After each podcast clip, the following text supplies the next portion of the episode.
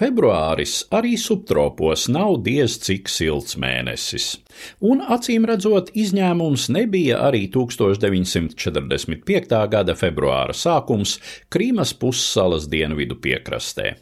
Katrā ziņā trīs impozanti personāži, kuri pozēja fotogrāfiem, ērti iekārtojušies krēslos Livādijas pils dārzā Jaltas pievārtē, bija tērpušies virsdrēbēs.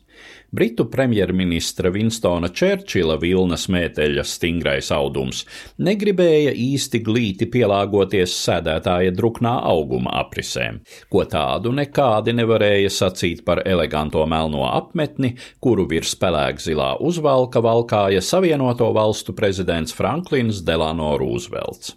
Krietna drēbnieka adatu varēja jaust arī padomju kompartijas ģenerālsekretāra Josifa Staļina tērautkrāsas šī šinelī ar maršala uzplečiem. Šie trīs vīri dažus mēnešus pirms otrā pasaules kara beigām bija ieradušies kādreizējā Krievijas caru rezidencē pie Melnās jūras, lai izspriestu, ko Eiropai nesīs drīzumā gaidāmais miers.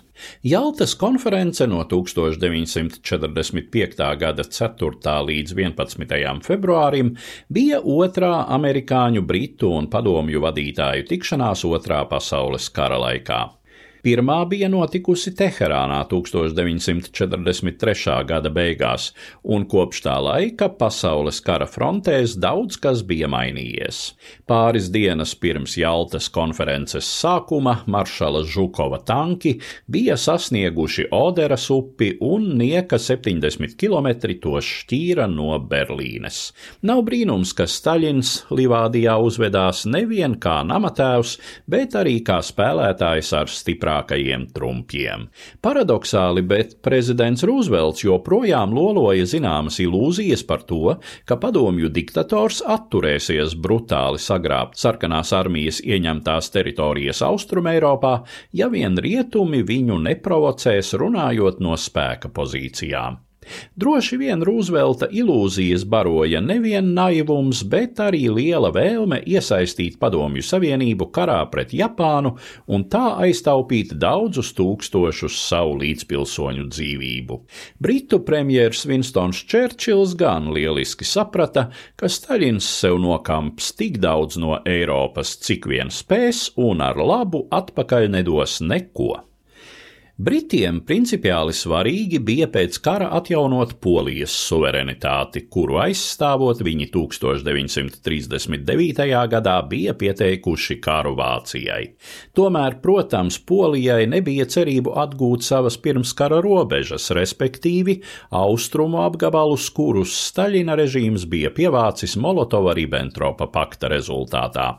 Bet padomju diktators pat uzstāja, lai poļiem šie zaudējumi noteikti noteikti tiktu kompensēti uz sakautās Vācijas rēķina, pievienojot plašas teritorijas rietumos.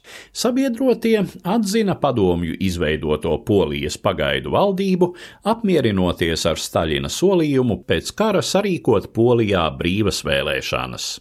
Lieki piebilst, ka šis solījums izkūpēja gaisā, gluži tāpat kā citi padomju diktatora solījumi par nejaukšanos sarkanās armijas kontrolēto valstu iekšējās lietās. Kas attiecās uz atlikušo Vācijas daļu, tika panākta vienošanās, ka to, tāpat arī galvaspilsētu Berlīni, sadalīs četrās okupācijas zonās.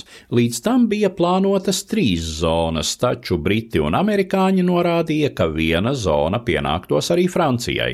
Staļins neiebilda, ja vien šī pārdale nenotiekot uz padomju zonas rēķina. Baltijas valstu liktenis Jaltas oficiālajās sarunās vispār netika pieminēts.